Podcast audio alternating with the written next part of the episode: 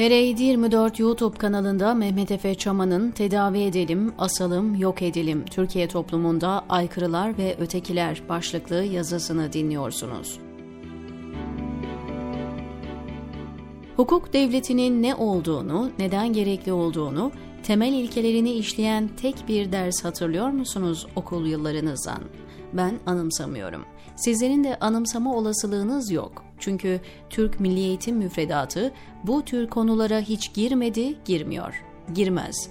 Zira işleyecekleri başka konular mebzul miktarda vardı zaten.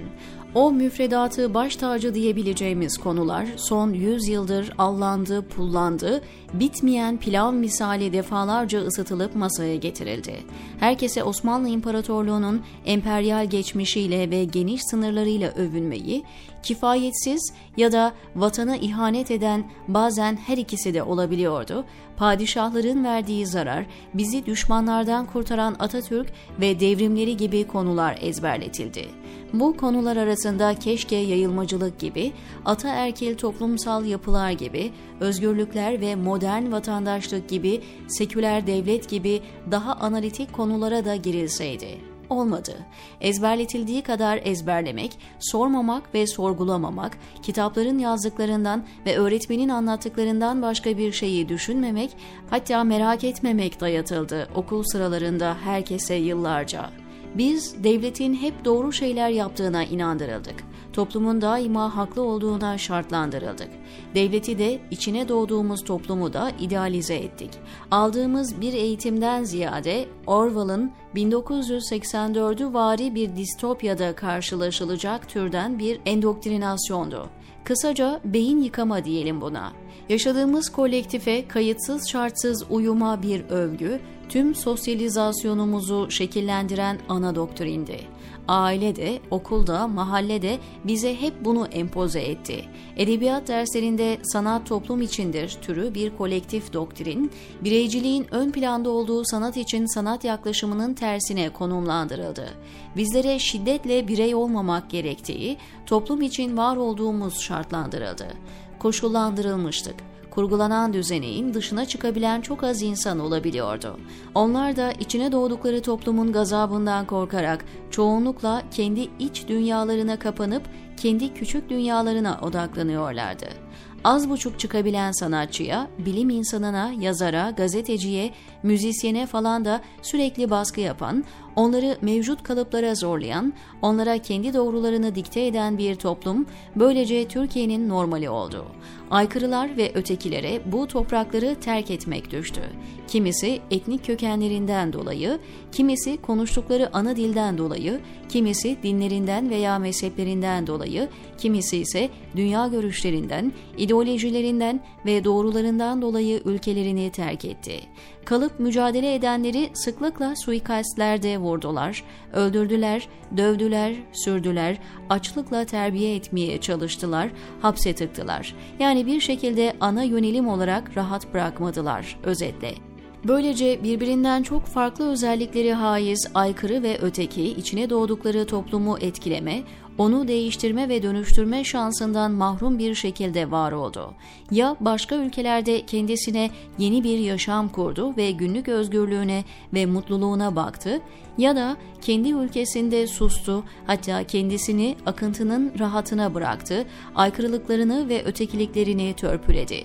Teşbihte hata olmaz derler. Türkiye'yi bir çöl olarak kabul edersek bu kuraklık ve susuzluk ortamında neden bitki çeşitliliği olmamasına gerçekten şaşar mıyız?'' Tek tipleştirilmiş topluma öykünen Türk siyasi sistemi idealinde ne olursa olsun aynı baskıcı yöntemleri kullandı hep.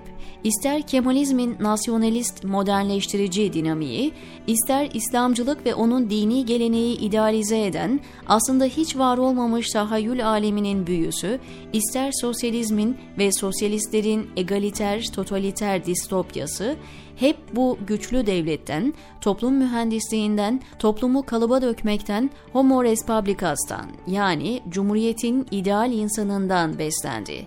Devlet daha önceki yazılarımda sürekli işaret ettiğim ve yinelediğim gibi sürekli birilerinin devleti oldu, birilerine ait oldu. Ötekileri ve berikeleri dışlayan, onların kafalarına ya sev ya terk et mesajını kakan, topluma ve devlete uyumsuzları aykırı ve öteki kılarak dışlayan, tecrit eden, tehdit eden, taciz eden, fişleyen, hapseden, infaz eden bir makineyi devlet zannettirdiler bize. Böylece günler haftaları, haftalar ayları, aylar yılları kovaladı. Aynada gördüğümüz yüz giderek yaşlanırken sorunların çözümsüzlüğüne ikna edildik. Dedelerimizin ve nenelerimizin, babalarımızın ve annelerimizin, bizim ve eşimizin, çocuklarımızın kaderi hep aynı olacaktı. Bunu kabul etmeliydik. Mesaj buydu. Toplum da onun ona uygun tasarlanmış devleti de bunu söylüyor, bunun için çalışıyordu. Bu toplumda kime sorsanız garip bir biçimde kendi sorunlarını söylüyordu yine de ağlakçasına. Kemalist dincilerden, Müslüman laikçilerden, Sünni Alevilerden, Alevi Sünnilerden şikayetçiydi. Kürtler ve Türkler, kentliler ve köylüler, eğitimliler ve cahiller, kadınlar ve erkekler herkesin derdi kendineydi. Herkes doğal olarak kendi derdi ve tasasıyla meşguldü. Toplumun ötekileştirdikleri de devletin dışlayıp takibata aldıkları da fazla geniş kategorilerdi. Eğer devlet X grubunun dışındaki herhangi bir gruba musallat olmuşsa, bu X grubu için hiçbir şey ifade etmezdi. Bana dokunmayan yılan bin yaşasındı. Böylece hayat bildiğimiz gibi devam etti. Bana inanmıyor musunuz? Bu durumun testi oldukça basit. Sizin dahil olmadığınız herhangi bir grubu örnek olarak alalım. Size ters gelen veya sizin hoşlanmadığınız bir grubun bir problemini deney makinemize atalım. Bakalım ne sonuç çıkacak. Var mısınız? Kolayına kaçmadan ama. Daha geçen gün İstanbul'da bir LGBTQ karşıtı protesto oldu. Gelenlerin tümü bu gruba nefret kustu. Dini ve kültürel argümanlar ve ahlakçılık baskın eleştiri noktalarıydı. Alenen bir grup başka bir grupça hedef gösterildi. Gösteriye katılanlar LGBTQ insanlarına kin kustular. Onların zorla rehabilite veya tedavi edilmesinden tutun da idam edilmelerinin gerekli olduğuna kadar bir sürü fikir ileri sürüldü. Protestoda kürsülere çıkıp konuşanlar çocuklarını ahlaksızlığa karşı korumaktan veya aile müesseselerinin muhafaza edilmesi gerekliliğinden hareketli bu habis ve sapkın insanların toplumdan tecridini talep ettiler. İnsanların doğuştan gelen özellikleri ve tercihleri salt birilerinin yaşam biçimlerine, geleneklerine, dinlerine veya tercihlerine aykırı diye temel insan hakları ve anayasal hakları gibi önemli olması gereken standartlar unutuldu. Uzun süredir Türkçe tweet takip eden biri olarak mağdurlar arasında bile bu konuda yeterli duyarlılığın gösterilmediğine tanık oldum, üzüldüm. Türkiye toplumunda aykırı ve öteki olmanın dayanılmaz acısını yüreğimde hissettim. Çimentonun harcı ve katılacak su olmaksızın beton elde edemezsiniz. Toplumsal barışın temeli hukuk devleti ise ki ben bunun alternatifi olmadığını düşünüyorum, ötekilerin ve aykırıların hakkına ve hukukuna sahip çıkmak zorundasınız. Eğer kendi mağduriyetlerinizde sizinle dayanışma beklentisi içindeyseniz, o halde sizin gibi mağduriyetler yaşayan başkalarının dertleriyle de samimice yani salt şekilden değil ha ilgileneceksiniz. LGBTQ bir örnek sadece. Buna Alevileri, Hristiyanları, mürtedleri, ateistleri, Ermenileri ve Rumları, Kürtleri, cumartesi annelerini, misyonerleri, içeride kötü muamele veya hukuksuzluk gören PKK militanlarını, aklınıza kim gelirse gelsin mağdur olan, mağdur edilen herkesi dikkate almak durumundasınız. İnsan hakları mücadelesi budur. Sadece kendinizden olanı savunmak insan hakları mücadelesi değildir. Bu sizi ne özel yapar ne de inandırıcılığınızı ve samimiyetinize verilecek puanı artırır. Aynı adil tutumu ülkeler arası sorunlarda da göstermek zorundasınız. Mesela geçenlerde Azerbaycan Ermenistan'a saldırdı. Tartışmalı Karabağ meselesinden bahsetmiyorum.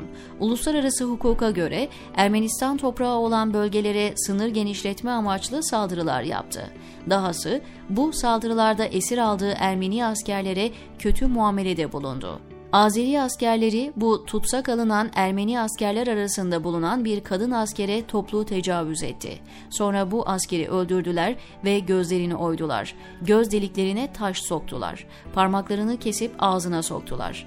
Bu hunharlıkları Türkçe Twitter ortamında paylaşan ve protesto eden çok az takipçim oldu.